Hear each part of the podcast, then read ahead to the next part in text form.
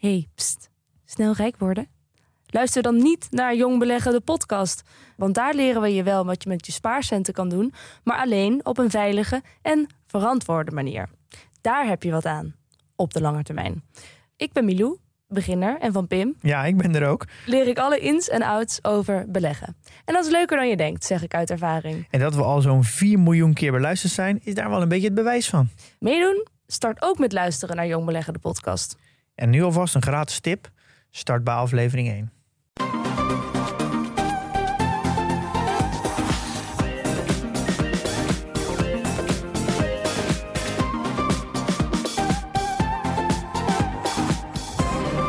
Welkom bij de Bright Podcast van woensdag 7 oktober. We praten hierbij over de trending topics in tech deze week.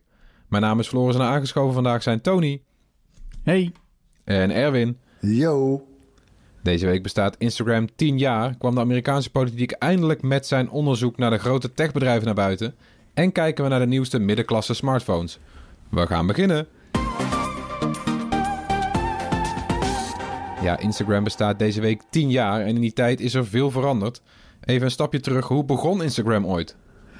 Ja, tien jaar, hè? Dat, eh, ik kan me dat bijna niet eens meer heugen, joh. Maar nou ja, ze zijn ooit begonnen eh, onder de naam Bourbon eh, van het drankje. Maar dan geschreven als B-U-R-B-N. Wat was, een kutnaam. Ongelooflijk. eh, piep. Ja, nee, dat was een beetje een... eh, ja, en het was vreemd genoeg. Het was bijna... Het was meer een soort check-in app. Weet je nog? Foursquare, ken je dat nog? oh, dan eh, ja. was je de koning van het café. Want jij had dan het vaakst ingecheckt daar.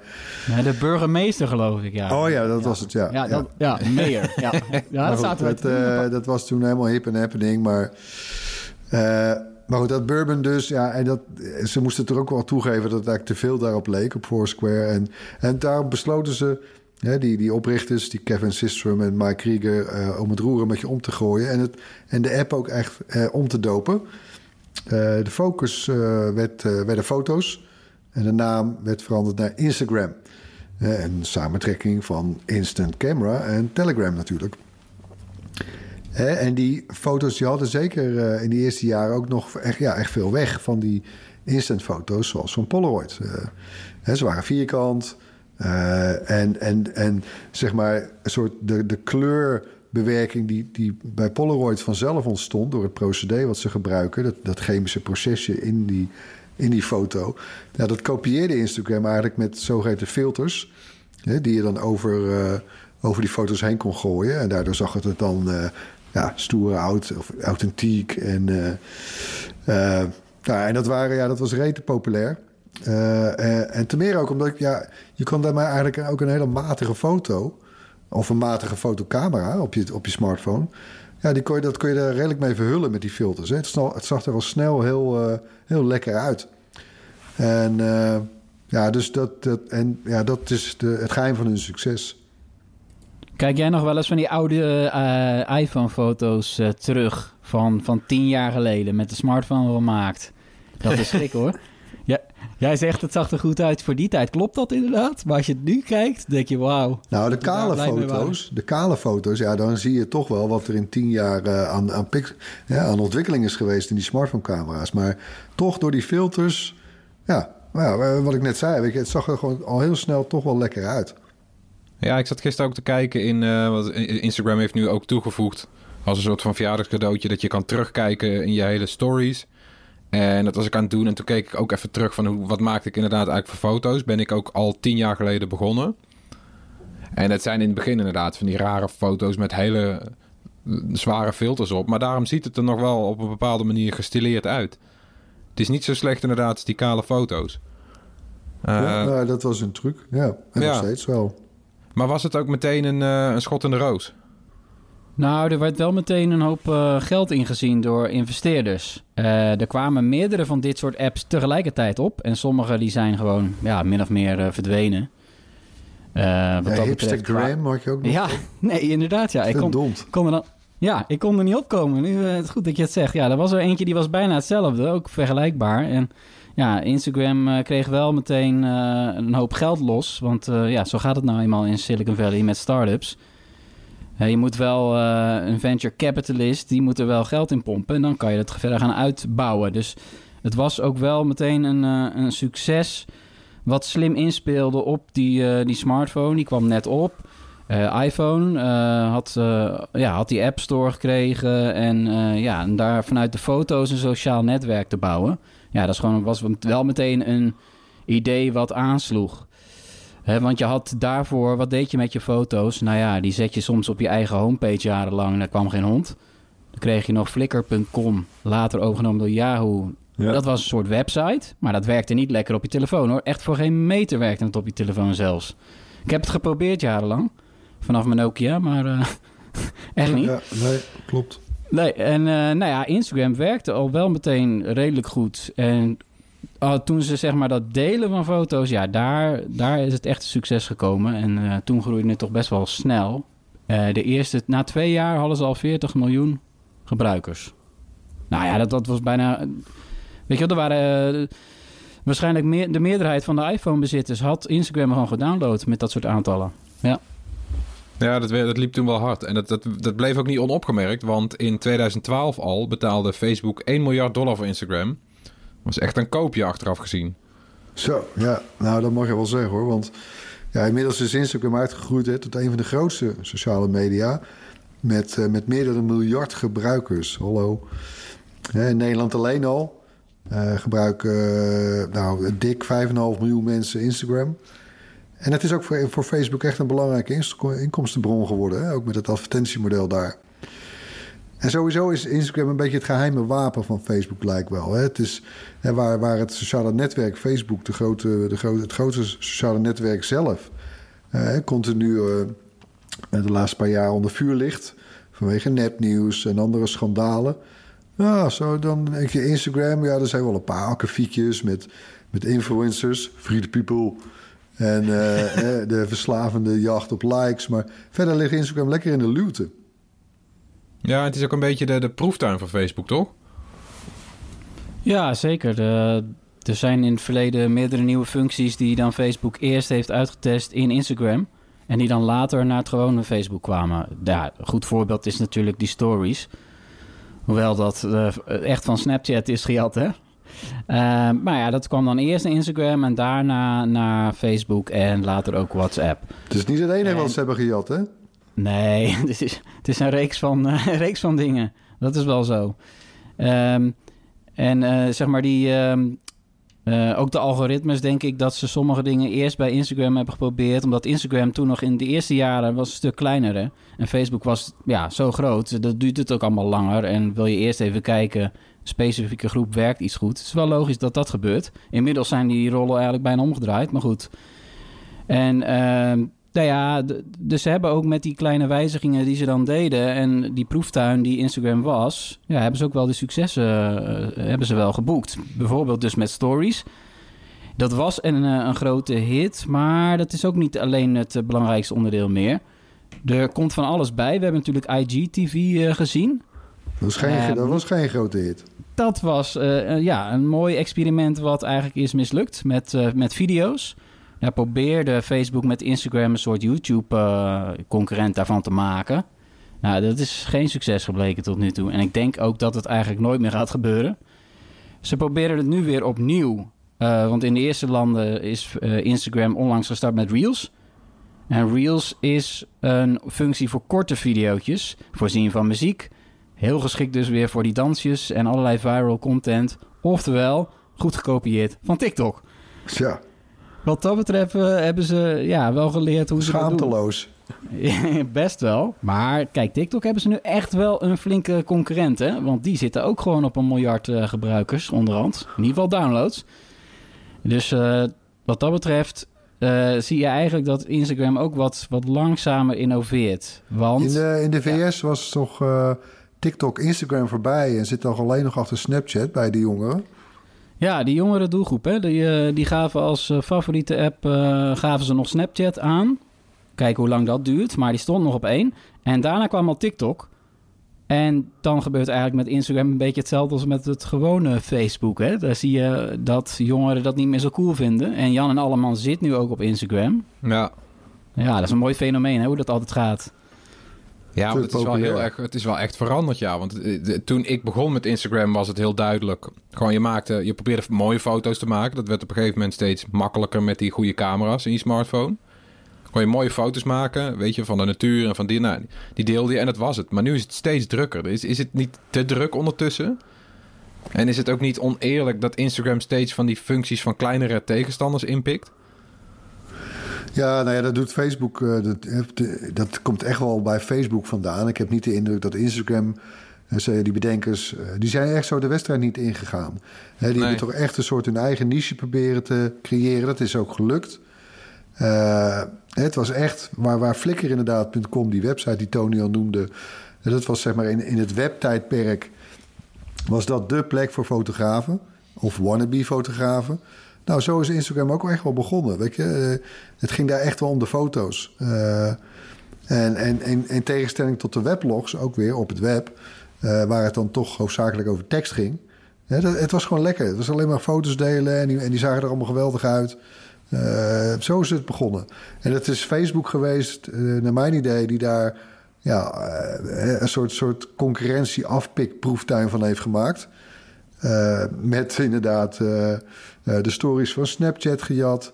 Eh IGTV probeerden ze YouTube na te doen. Eh, en nu weer met Reels TikTok. Ja, nou, ja, het, is, het is echt schaamteloos eigenlijk. Maar goed, het, is, het zal allemaal net binnen de lijntjes van de wet zijn. Anders hadden, er- hadden er natuurlijk al eh, jarenlange rechtszaken gelopen. Ja. Maar ja, mooi, fraai is het niet. Ze hebben natuurlijk eh, wel wat aanpassingen gedaan. Ze hebben ook beloofd van we gaan mindere focus leggen op, eh, op de het aantallen likes hè, en de aantallen volgers. Dat zijn mooie woorden, maar in de praktijk komt er eigenlijk niks van terecht. Als ik zie wat ik voorgesteld krijg, het zijn allemaal influencers. Het zijn allemaal hele grote accounts. En, jij, jij noemde dat eh, te druk, Floris. Klinkt misschien raar voor iets wat op internet is, weet je wel. Het oneindig mogelijk natuurlijk om een aanbod te hebben, gigantisch aanbod. Maar om aandacht te krijgen op Instagram, dat is op dit moment echt hartstikke moeilijk hoor. Als je, als je nu met, een- met een account begint, nou succes ermee. Jij, jij Ja, gaat niet meer ze- viral hoor. Nee, Stel maar goed, kijk, het is... Die app als het voor het eerst opent, je weet niet wat je meemaakt. Je hebt, je hebt, je hebt eh, een verticaal een scrollende lijst met foto's en video's. En die lijst die is ook niet chronologisch, maar op basis van een algoritme. Dan heb je bovenin heb je stories. Ook, eh, ook weer gesorteerd op net, ja, net wat, eh, wat, wat Facebook denkt of Instagram denkt wat je het vaakst bekijkt. Dan heb je die zoekfunctie waar dan Reels weer in verstopt zit.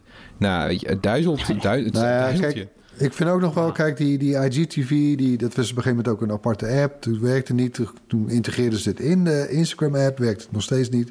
Maar goed, als je dat niet wil, dan kun je dat links laten liggen. Waar ik helemaal gek van word, zijn al die advertenties. Het begonnen met één op de tien foto's in je feed. Nou, het is volgens mij, lijkt bijna, een- nu is het eh, eh, één om één. Eén gewone echt- en één ja. advertentie.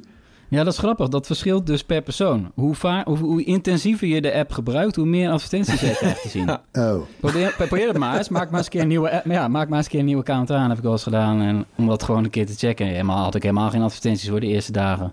Ja, dat is gek toch?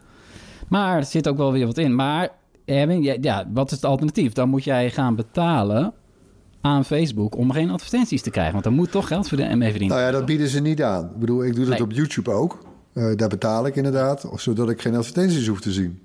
Echt, en echt grof geld ook, hè, eigenlijk, als je erover nadenkt. 15 euro per maand, fucking hell, hè. Oh, ik doe het ook. Ik, eh, ik, Ja, ik maar moet goed, het eh, opzeggen. Het is ons vak, hè, dus dat, dat, zo leg ik het dan aan mezelf uit. Maar goed, ja, als Instagram dat zou aanbieden, nou...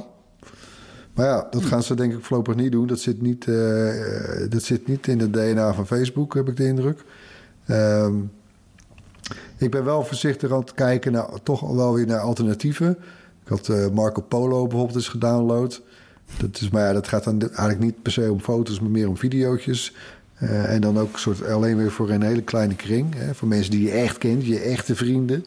Oh ja, dat, dat concept heb ik eh, ook inderdaad al tientallen keren Ja, gehoord, hè? er is, Ja. er is er weer een app die dat probeert. Eh, en ik download het dan. En goed, ja, als ik heel eerlijk ben, ik weet het eigenlijk al dat ik het er ook weer niet ga gebruiken.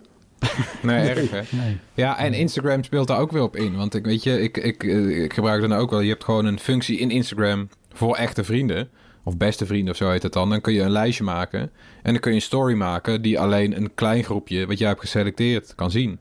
Ja, Dus dat is bijvoorbeeld foto's van mijn kind. Die gooi ik niet zomaar openbaar op, eh, op Instagram of in stories, maar wel in zoiets. Want dan weet je precies wie het te zien krijgt. En dan is het toch wel weer aardig om zo, weet je, het is toch wel weer drempelverlagend. En dan blijf je in die app. Het is, het is voor Instagram ook alleen maar zaak om jou in die app te houden. Hoe langer, hoe beter. Eh, dus daar hebben ze toch wel allemaal maniertjes voor. Ja, en er sluit ook een beetje gemak in, merk ik hoor, bij mezelf en vast ook bij andere gebruikers. Weet ik bedoel, voor, voor, voor langere video's ga je naar YouTube. Voor korte video's check ik TikTok. Voor foto's check ik Instagram. En voor alle andere meuk eigenlijk. Uh, nou ja, op, nee, op Facebook kom ik eigenlijk niet eens meer. Nee, Twi- nee, Twitter kom je niet? Ja, Twitter wel. Dat, maar goed, dat is een beetje de speeltuin van journalisten, vind ik eigenlijk onderling en PR-functionarissen. Ja, politici. Nou ja, inderdaad. Politici ook nog wel. Maar Ja. het is wel zo dat, eh, dat er op Instagram wel echt een gebrek is aan een manier om überhaupt een discussie met anderen te voeren. Het is wel echt een vrij oppervlakkige omgeving eigenlijk. Waar je bij Twitter daadwerkelijk nog wel eens inhoudelijke discussies voorbij ziet komen. Elke dag eigenlijk wel. Is dat bij Instagram eigenlijk op de een of andere manier gewoon... Ja, het kan gewoon, maar het gebeurt niet. Nee, nee. Nou ja, op Twitter trouwens inhoudelijk. Ja, dat komt wel eens voor. Maar ik bedoel, het is ook de plek voor hate speech. Hè? Ik bedoel, eh, Ja. het, het mes snijdt wel aan twee kanten daar. Maar goed, nee, het klopt. En ja, ik, ik bedoel, ik, ik, ik stoor me eigenlijk nog steeds aan het feit dat, dat links, gewoon de, hyp, nee, de hyperlink, de essentie van het moderne internet, ja, werkt gewoon niet in Instagram. Dat is toch gekmakend, man? Ja, Ja, wat, dat dat, is- wat dat betreft kapen zij eigenlijk toch een beetje... eh, Nou ja, ze kapen echt je aandacht. En dat is misschien wel het grootste punt wat je kan maken tegen Instagram. Dat ze je echt het bijzonder binnen die app eh, bijna gegijzeld nemen. Om het maar even overdreven uit te drukken. Eh, en dat is misschien ook wel een mooi bruggetje naar het volgende eh, onderwerp, namelijk... eh, nou ja, weet je, de macht van die grote techbedrijven... Eh, die ligt onder een vergrootglas, onder meer in de Verenigde Staten. Eh 16 maanden lang heeft het Amerikaanse Huis van Afgevaardigden eh, onderzoek gedaan naar Big Tech. Nu is het rapport eindelijk gepubliceerd, bijna 450 pagina's. Waar gaat het in essentie over? Ja, even de executive summary. Hè. Kort gezegd gaat het over de vraag of de grote techbedrijven op verschillende manieren niet te veel macht hebben. Dat, dat is waar het om gaat. En hè, welke bedrijven zijn het dan? Eh, je kent ze natuurlijk wel. Amazon, Apple, Facebook en Google. En ja, ik- blijf het raar vinden. Eh, Microsoft blijft in dit verband eh, helemaal buiten schot. Om de een of andere reden. Misschien zal het dat deeltje zijn. Wat ze met Trump hebben gesloten. Ook hè, toen de gedoe rond TikTok kwam opeens Microsoft naar voren. Die hebben een deal gesloten. Dat kan niet anders. Want zij zijn even, ze zijn even machtig als die anderen. Die, die big tech, hè, die worden ook wel de big five genoemd. Met Amazon, Apple, Facebook en Google. Of eigenlijk Alphabet, hè, dan het moederbedrijf van Google. En Microsoft, dat zijn de vijf grote. Het zijn allemaal Amerikaanse bedrijven... Hè, die via hun producten en diensten van enorme invloed zijn op ons dagelijks leven. Eh, in de hele westerse wereld, ook hier in Nederland. En eh, is de conclusie, hebben ze inderdaad te veel macht? Ja, nou, eh, ja, ja, eh, ik zou bijna zeggen, misschien verrassend genoeg eh, is ook hun conclusie hè, van de Amerikaanse politici. Want die zijn toch vaak wel heel beschermend. eh, zeker wat betreft techbedrijven op het wereldwijde toneel. Denk ook even aan die strijd met, eh, met China, een soort nieuwe Koude Oorlog. Hè. Wie wordt de grootste tech-grootmacht ter wereld? Maar goed, eh, nee, hè, dus dat vinden ze van wel. Eh, en ook wel eh, bijzonder, Democraten en Republikeinen zijn het op dit punt eens met elkaar. Eh, ik heb een mooi citaat uit het rapport, die, vat het aardig samen. Citaat openen. Simpel gesteld, deze bedrijven waren ooit vechtlustige start-ups die de gevestigde orde uitdaagden, maar zijn verworden tot monopolies die we voor het laatst zagen in de tijd van oliebaronnen en spoorwegtycoons. Citaat sluiten. Mooi. En Veelzeggend ook. En wat, eh, wat- vindt de commissie precies, als we er dieper op ingaan? Nou een van de dingen is dat eh, de commissie het bewezen acht dat Facebook op het gebied van social media en Google op het gebied van zoekmachines in feite monopolist zijn geworden door allerlei ongeoorloofde praktijken. Eh, dat gaat dan bijvoorbeeld om de overnames die ze aan de lopende band doen, waaronder die inderdaad van Instagram. Eh, Facebook-baas Zuckerberg die heeft in een verhoor afgelopen zomer ook gezegd dat zijn bedrijf eigenlijk in staat is om elke concurrerende start-up over te nemen als hij zou willen. Misschien niet zo'n handige uitspraak achteraf, hè? Nee. Maar daar staat, hij, daar staat hij ook niet onbekend dat hij heel erg handig is met woorden natuurlijk. Ehm, ondanks uh, het enorme machtspositie. Voor Amazon en Apple geldt eigenlijk de kritiek toch net wat anders. Uh, daar gaat het over de greep die die bedrijven op de markt hebben. En dat gaat dan bij, uh, bij Amazon gaat dat bijvoorbeeld over dat kleinere bedrijven ja, eigenlijk niet zo heel veel alternatieven hebben in sommige markten en over sommige producten om gewoon hun spullen te verkopen. Amazon is heel erg groot geworden nu met het aanbieden van een wereldwijde marktplaats. En daar hebben ze heel veel data over die ze ook niet heel erg goed delen. Dus dat daar, uh, ja, daar heeft de commissie echt wel kritiek op. En bij Apple gaat het, dat zal jullie niet verbazen, over de App Store natuurlijk. Want ja, daar is Apple in feite ja, in zijn eentje een, grenzen, een scheidsrechter hè, tussen allerlei duizenden bedrijven, honderden miljoenen gebruikers. Uh, dit mag wel, dat mag niet. En dan komt je app wel of niet in de App Store. Ja, dat is ook een, een, een hele grote positie van macht. En daar, uh, daar is, heeft die commissie kritiek op. En uh, wat, wat, wat willen ze eraan gaan doen? Ja, nou daarover is de commissie het dus uh, niet eens. het zal weer eens niet, maar het wordt ook een heel politiek verhaal eigenlijk daarmee. Want kijk, het Amerikaans congres bestaat uit de Senaat. die is nu overwegend republikeins. En het Huis van de Afgevaardigden. Zeg maar even heel... het is een kromme vergelijking, maar een beetje een soort Eerste en Tweede Kamer. Uh, en in het Huis van Afgevaardigden hebben de, de Democraten weer de meerderheid. Uh, en dan hebben we natuurlijk nog de presidentsverkiezingen die voor de deur staan volgende maand. Ja, en die gaan waarschijnlijk, de uitslag daarvan gaat waarschijnlijk de doorslag geven. Uh, want als het aan de Amerikanen ligt, dan krijgt de Amerikaanse marktwaakhond veel meer macht om die bedrijven echt daadwerkelijk aan te pakken. en dan is voor hen ook geen ingreep te groot. Uh, dan wordt er ook nu gesproken over het opsplitsen van deze techreuzen. De democraten bedoelde je? Ja, Die, ja. Ja. En, uh, ja, dat, uh, dat opsplitsen vind ik wel echt iets wat je denkt van... Hè, dat gaat wel erg ver, hè? Als je dat leest, denk je van... dan hakken we even een bedrijf Ja, hoe zouden ze dat dan willen doen, hè? Maar goed, ja. Ja, dat, dat roept meteen wel allerlei vragen op. En daar denk je ook meteen eigenlijk ook wel van... van zal het allemaal wel? Dat het gaat het wel veel te ver. En, nou, het kan ook een stok achter de deur zijn, hè?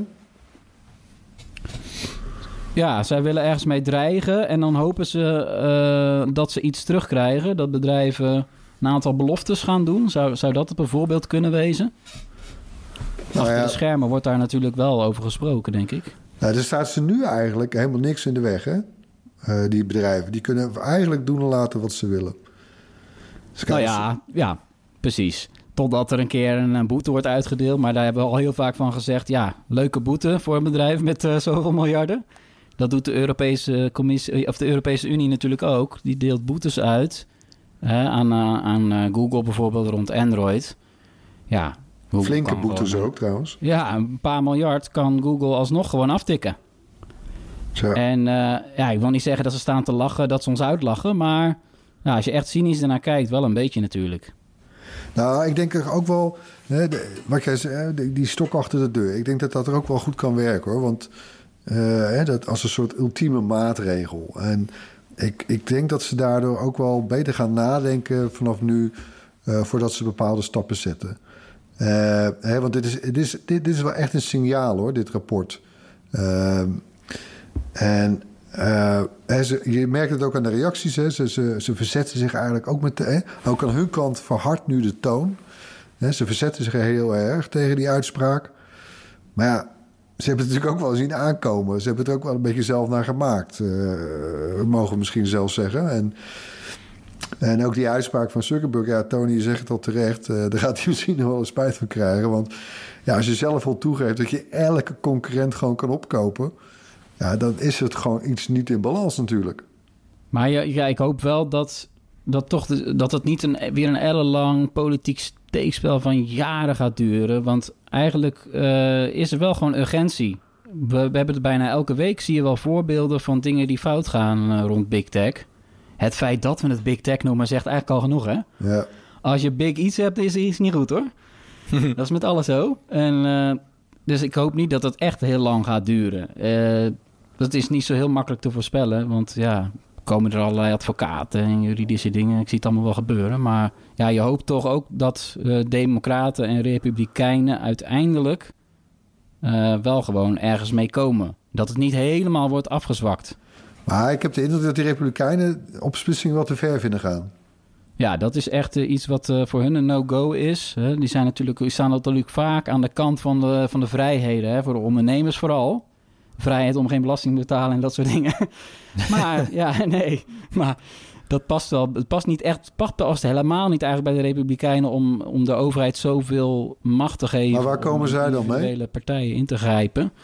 Nou ja, die denken bijvoorbeeld aan het toelaten van, in het geval van eh, bijvoorbeeld Google en Apple, het toelaten van meerdere appwinkels, meerdere betaaldiensten Op, eh, op iOS en Android dan. op iOS en Android, ja. Ehm, of bijvoorbeeld allerlei regels om ervoor te zorgen dat partijen op hun eigen platform eh, eh, ja, niet met eigen diensten komen om de concurrentie weg te drukken. Daar hebben we natuurlijk ook allerlei voorbeelden van gezien.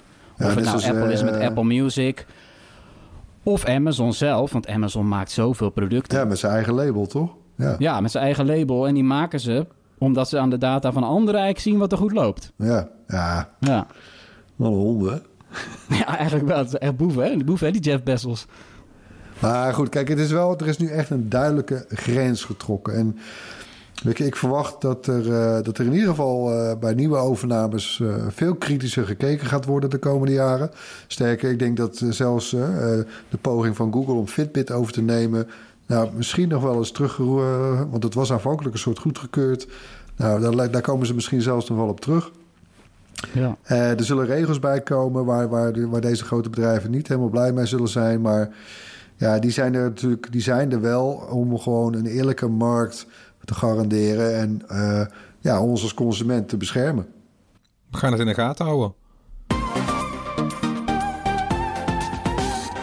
In het hoorspel laten we elke week een techgeluid horen. Dit was het geluid van de vorige keer.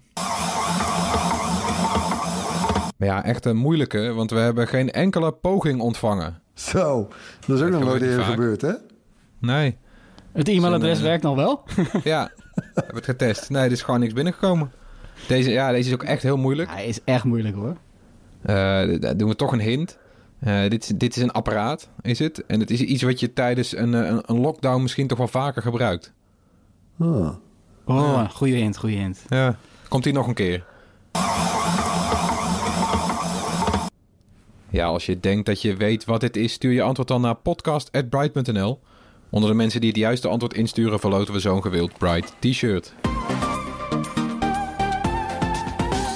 Ja, dan aandacht voor de vele nieuwe smartphones. Ja, jongens, zo hé. Het is echt techtober hoor. Hé. Eh, Wat een hoop aankondigingen, man. En, en dan eigenlijk valt op, hè, vooral in die eh, prijsklasse eh, onder premium.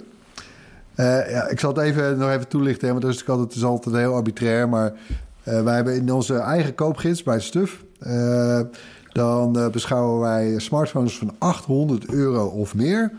Dat beschouwen wij als premium. Hè, dus denk aan een iPhone 11 Pro, Galaxy S20 5G, dat werkt. Eh, daaronder zit een categorie die wij ook voeren tussen 600 en 800 euro. Eh, laten we die maar even sub-premium noemen. Eh, dan krijg je mid-range. Tussen 400 en 600 euro is dat. En dan hebben wij nog daaronderaan eh, eh, 250 tot 400 euro. Ja, dat kun je zeggen, dat is eigenlijk ook mid-range. Maar nou om het dan een soort extra ingewikkeld te maken, noemen we dat dan weer sub-mid-range. en nou ja, voor alles voor 250 euro of minder, dat is zeg maar de budgetcategorie, die bungelt lekker onderaan. Maar goed, je merkt dat weet je, de smartphone eh, een volwassen product is geworden na ruim 10 jaar. De, de, die diversificatie die slaat toe. Eh, eh, fabrikanten die proberen aan alle kanten te differentiëren met hun product. Eh, klassiek patroon is dat in, in de levensloop van een, van een product. Eh, wat we hier natuurlijk zien is dat de, de beste toestellen zijn duurder geworden. Eh, de midrange is daarmee eigenlijk een enorme brede range geworden. Een heel groot gebied kun je bijna zeggen aan, aan prijsklasses. En het aanbod in totaal is eigenlijk echt enorm. En daardoor zie je ja, soms door de bomen het bos niet meer. Hè? Het aanbod wel, dat klopt. Maar zeg maar wat mensen daadwerkelijk kopen in Nederland. Nou, dat is echt opvallend. Eh, deze week zijn er weer cijfers over naar buiten gekomen. hebben ze onderzocht welke toestellen zijn nu in gebruik onder Nederlanders. In gebruik of En- gekocht? Ja, in gebruik op dit moment. Dus, Ja. En dat wil je. Want ja, er kan heel veel geschoven worden met dozen. Maar wat zegt echt wat? Dat zijn de toestellen die nu gewoon echt eh, actief zijn. En daar blijkt uit dat eh, de top 15 smartphone modellen die het populair zijn in Nederland... daar bestaan er acht, of er komen er acht van Samsung en zeven zijn iPhone-modellen. Ja. Nou ja, de top 15 zijn twee fabrikanten. En dan komt er één Huawei. En dan nog weer een aantal Samsung. Ja, weet je wel. Dus het is, het is een enorm aanbod van verschillende merken en modellen. Maar wat mensen daadwerkelijk kopen, dat valt Nou ja, mee. Het grappige is natuurlijk wel dus dat je ook bij die twee grote merken hier in Nederland... en dat is trouwens niet alleen, niet alleen in Nederland, het is bijna wereldwijd zo... maar eh, is dat ook hun eh, aanbod enorm is uitgebreid. Waar we natuurlijk eh, pak een beet vijf jaar geleden één iPhone hadden... en ja, oké, Samsung doet dat wel al iets langer, ik geef het toe, maar... eh, vooral bij Apple is dat opvallend. Ook zij zijn gaan uitbreiden. Maar goed, dan zijn er natuurlijk nog heel veel merken die heel graag... want dat is nog steeds wel een leuke boterham hoor... die nummer drie zijn in de markt. En, en ja, daarvoor brengen ze echt in een moordend tempo... brengen ze echt legio toestellen uit... met allerlei toeters en bellen. En dat valt dan ook nog op, waar, waar die uitdagers, zoals ze worden genoemd dan in de markt. Je kan ook zeggen de verliezers, maar goed. De uitdagers, dat klinkt wat sportiever. Hè, dan hoop je nog dat het goed komt. Eh, eh, die hadden eigenlijk de midrange voorheen voor zichzelf. Maar ja, hè, we zien dat bij, bij die iPhones, die zijn zowel duurder geworden als goedkoper. Hè. Ook, Apple heeft zijn assortiment uitgebreid. Hè, dit jaar nog met die nieuwe eh, iPhone SE. En ook Samsung, je, die doet over de hele linie mee met naast die Galaxy S topmodellen. Ook hele goede toestellen met zijn Galaxy A-lijn. En dan ook nog, on top of that, ook nog de S-modellen van vorig jaar. De Galaxy S eh 10 in dit geval bijvoorbeeld van vorig jaar. Hè, dat is een trucje wat ze een beetje van Apple hebben afgekeken. Die zijn ook nog verkrijgbaar nu. En eigenlijk voor mid-race prijzen. Dus De dat, A-lijn is het populairst. eh, die staat helemaal bovenaan. Dus Ja, die doet de- het de ontzettend goed. de- ja. Ja, die doet het ontzettend goed. Nee, maar goed, er zijn nog steeds ook best wel wat mensen die... eh, hè, in plaats van ja, de nieuwe Galaxy S20...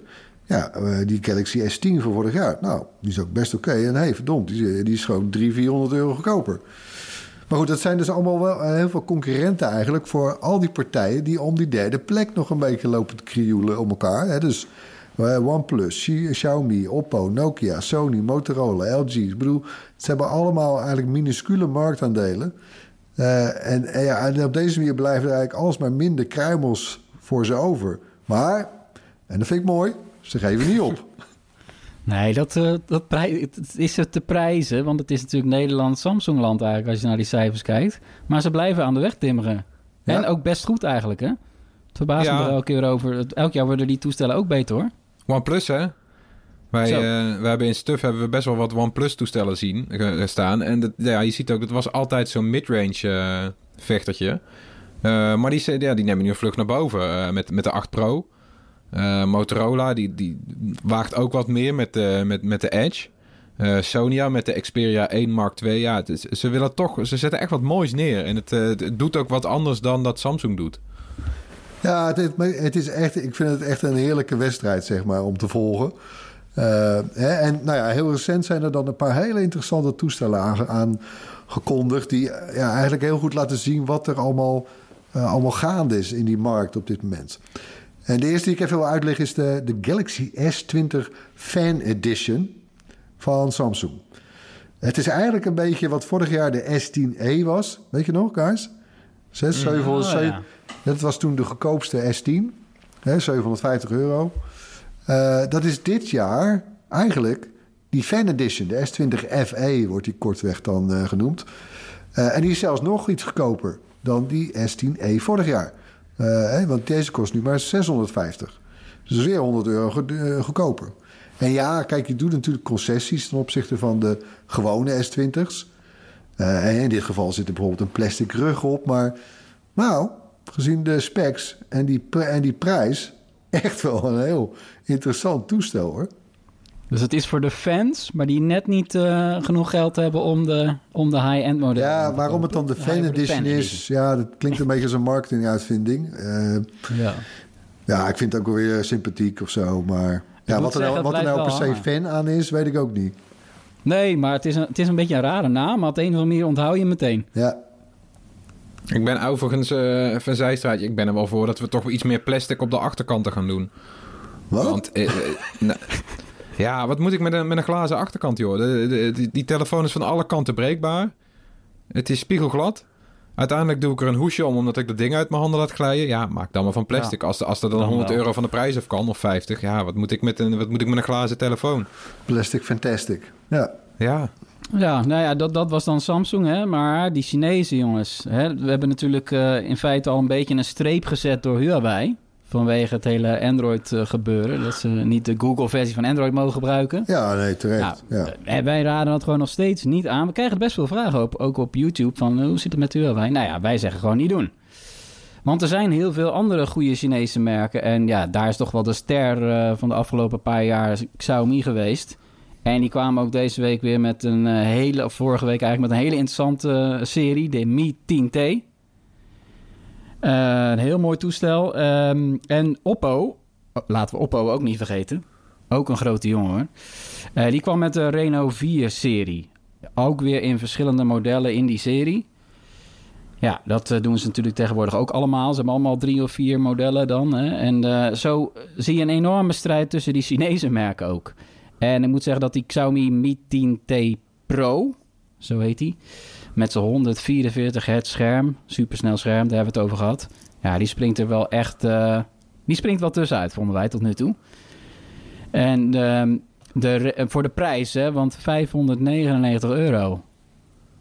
Dat is een prijsje? Dat doen ze ook goed. En dan heb je de Reno 4 met een eh, speciale ultrawide groothoeklens. En eh, ja, die doet het dan weer een stuk beter dan de rest eh, bij nachtopnames. Ja, zo voor, hebben ze allemaal vooral weer voor iets video. gevonden. Ja. Ja, zo hebben ze weer iets gevonden, hè? Dat, ja, ze jagen elkaar allemaal echt de tent uit, lijkt het wel, hè, met, met de specs. Ik bedoel, ze moeten...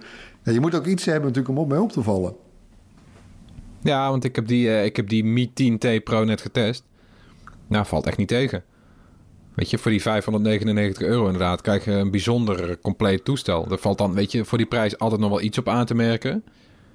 Maar dat zijn geen grote minpunten meer zoals vroeger in die midrange, weet je wel. Dan had je gewoon echt een slechte camera. Nu is het gewoon een camera die helemaal prima is. Het kan beter, maar vind jij dat een paar honderd euro waard? Je hebt een scherm wat echt top kijkt, super soepel. Het is een LCD, ja, vind je dat erg? Eh, Als je altijd al LCD hebt gehad, is dit nog steeds een hele stap omhoog. Als je OLED gewend bent, dan misschien niet. Eh, maar nog steeds kan het zijn dat jij gewoon die soepele beeldverversing een stuk fijner vindt. Dan die kleurtjes en die, eh, dat contrast van OLED. Dus dit, eh, ja, ze doen wel echt hele interessante dingen.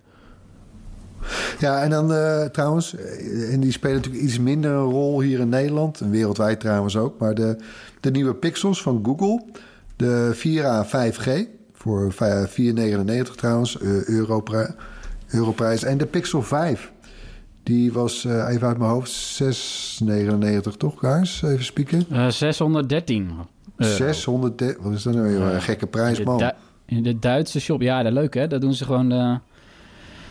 Dat, dat is heel gek. Dan gaat het echt op de euro. Ja, maar goed, die hebben allebei, eh, allebei die modellen. Hè? Dus eh, de 4A 5G, we hadden natuurlijk al de 4A. Er komt dus nu een 5G-versie van. Eh, de Pixel 5 heeft uiteraard ook alvast 5G aan boord. En ze hebben, en dat is wel voor, je, voor het eerst bij dan bij Pixel-toestellen, twee cameralenzen. Google heeft natuurlijk een paar jaar op rij naam gemaakt met, ja, met de single-lens camera's die ondanks hun enkele lens maar ontzettend goede foto's maakten door de computational photography en de software die ze er allemaal achter prikten. Eh, maar goed, dan nu toch. Ja, oh, sorry, nou, vorig jaar was er natuurlijk wel al op de Pixel 4 een tweede lens, maar dat was een telefotolens. Eh, Floris is er fan van. Eh, de rest van de wereld niet zo, geloof ik. Dus ze hebben, ze hebben er nu ook een ultra-wide lens op gezet. En eh, ja, dan kun je dus ook op die pixels kun je trucjes doen als Portrait Light en Cinematic Pan. Hartstikke leuk. Ja, het is, ik verbaas me ergens wel. Kijk, het, is ook een, het ligt ook een beetje aan Google zelf, denk ik. Hun marketing is niet heel agressief. Het lijkt wel alsof ze hun best niet doet. Ze verkopen eigenlijk daardoor ook eigenlijk helemaal niet zo heel goed. In Nederland zijn ze niet eens officieel verkrijgbaar. Je kan ze natuurlijk wel via webshops als Bel Simple of zo vinden. Maar Ja, en ik vind, het ook, ik vind het ergens ook wel jammer, want ik vind het toch vaak hele mooie toestellen. En je hebt er ook Android, zoals het zeg maar, eh, nou zoals het door de makers is bedacht. Ja, tja.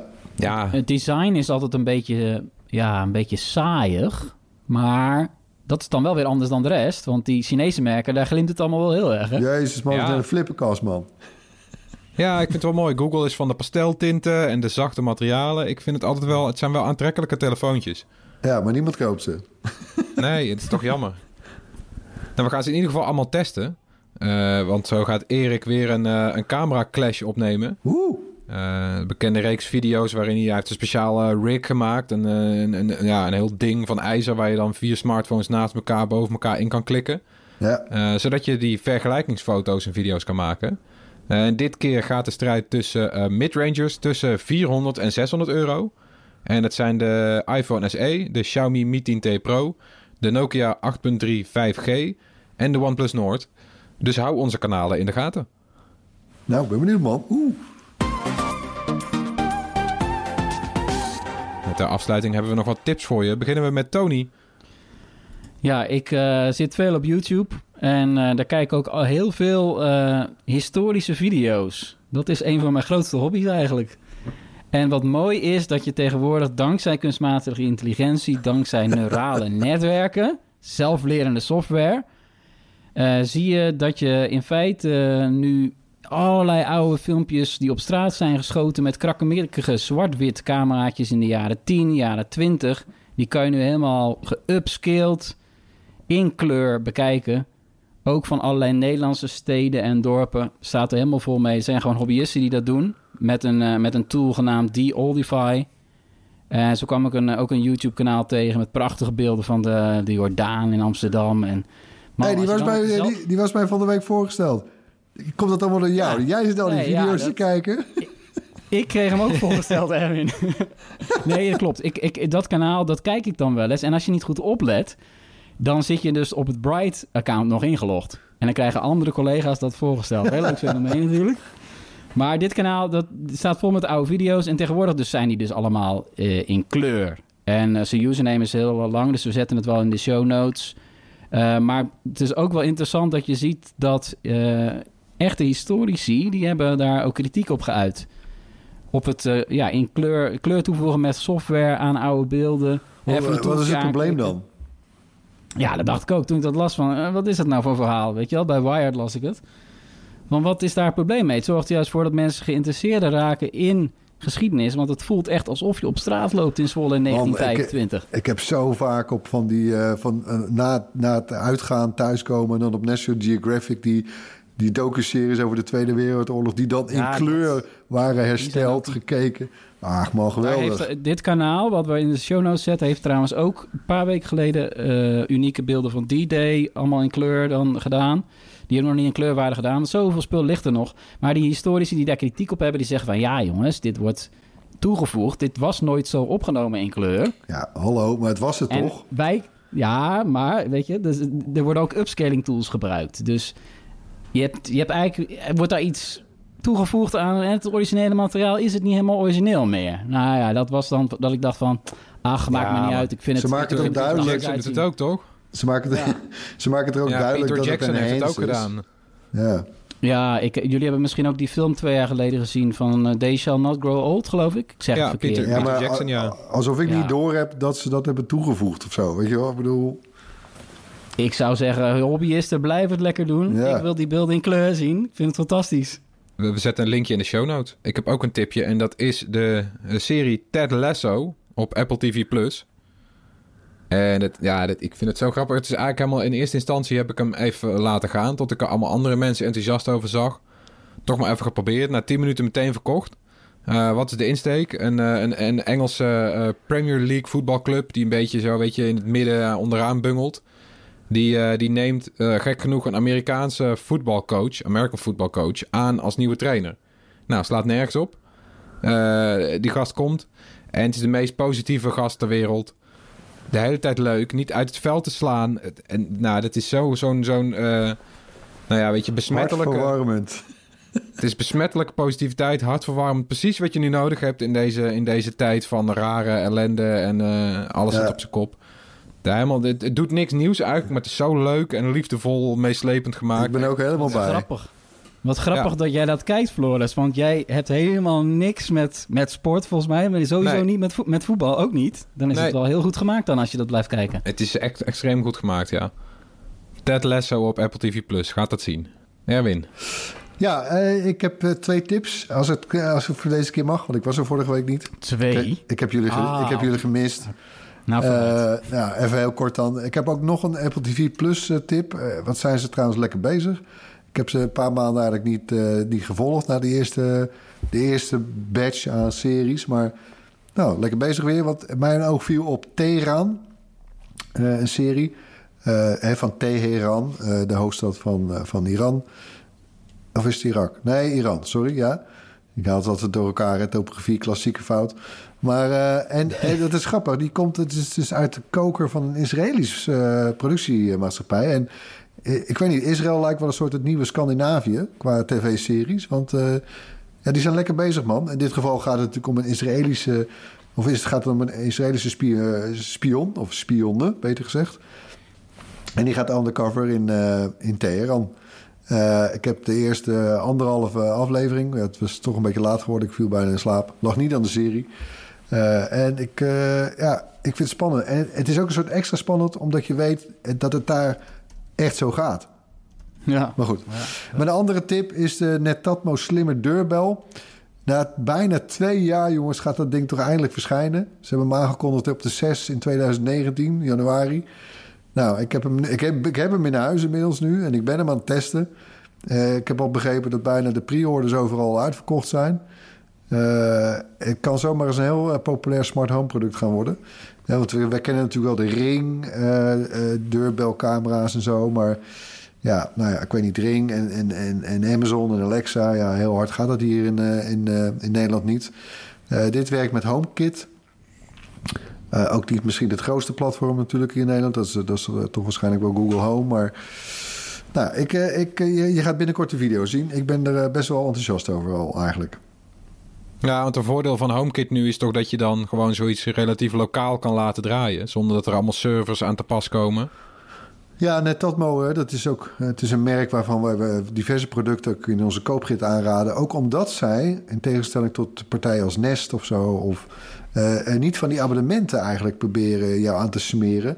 Nadat je al een paar honderd euro hebt uitgegeven aan een smart home product. En dan een abonnement om bijvoorbeeld eh, video's te kunnen terugkijken. Bij Nest heet dat Nest Aware. Nou, en en eh, ook bij Ring hebben we zo'n soort dienst. En ja, bij NetTatmo doen ze dat niet. Is zeker, er is een SD-kaartje in. Je kan het met je Dropbox doen. En sinds kort dus ook via de HomeKit Secure Video, heet dat dan. Eh, dan sla je het eigenlijk op in de cloud. Daar merk je verder eigenlijk allemaal niks van. Maar eh, daar doe je dat dan stiekem wel. En eh, nou, helemaal geen omkijken naar. Heerlijk, man.